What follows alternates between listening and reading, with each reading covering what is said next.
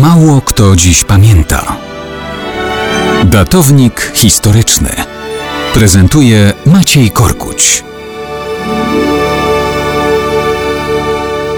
Pewnie dzisiaj będzie przypominane nieraz, że dokładnie 45 lat temu, 23 września 1976 roku, 14 ludzi ogłosiło apel do władz i społeczeństwa PRL. To zarazem oznaczało początek działalności Komitetu Obrony Robotników, czyli organizacji, która stanęła w obronie prześladowanych robotników z Radomia i Ursusa po protestach, jakie tam miały miejsce w 1976 roku. Wśród tych 14 sygnatariuszy byli ludzie z różnych światów, z różnymi życiorysami. Niektórzy byli żołnierzami konspiracji niepodległościowej w okresie wojny i tuż po wojnie. Inni byli harcerzami, jeszcze inni, zanim dojrzeli do opozycji demokratycznej, byli przed wielu laty po uszy zanurzeni w budowie stalinowskiego systemu zakłamania, by dopiero z czasem przejść na drugą stronę barykady. Jeden z tej czternastki, Jan Józef Lipski, pisał, że według niego głównymi autorami idei koru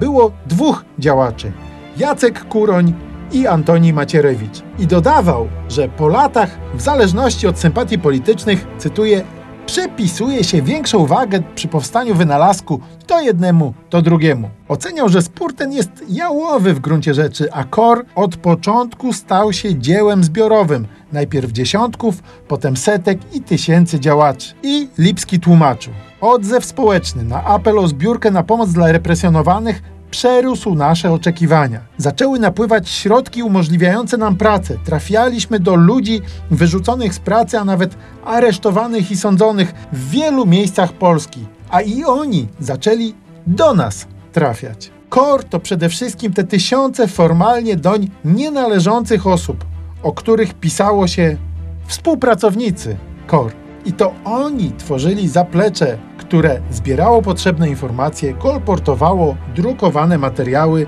udzielało pomocy materialnej, lokalowej i innej, dzieląc się tym, kto co miał. Bez tego wsparcia komitet pozostałby tylko i wyłącznie kanapowym środowiskiem bez rzeczywistego wpływu na rzeczywistość. Dlatego, kiedy przypominamy KOR, warto pamiętać o założycielach, ale i o całym środowisku, które ta organizacja stworzyła.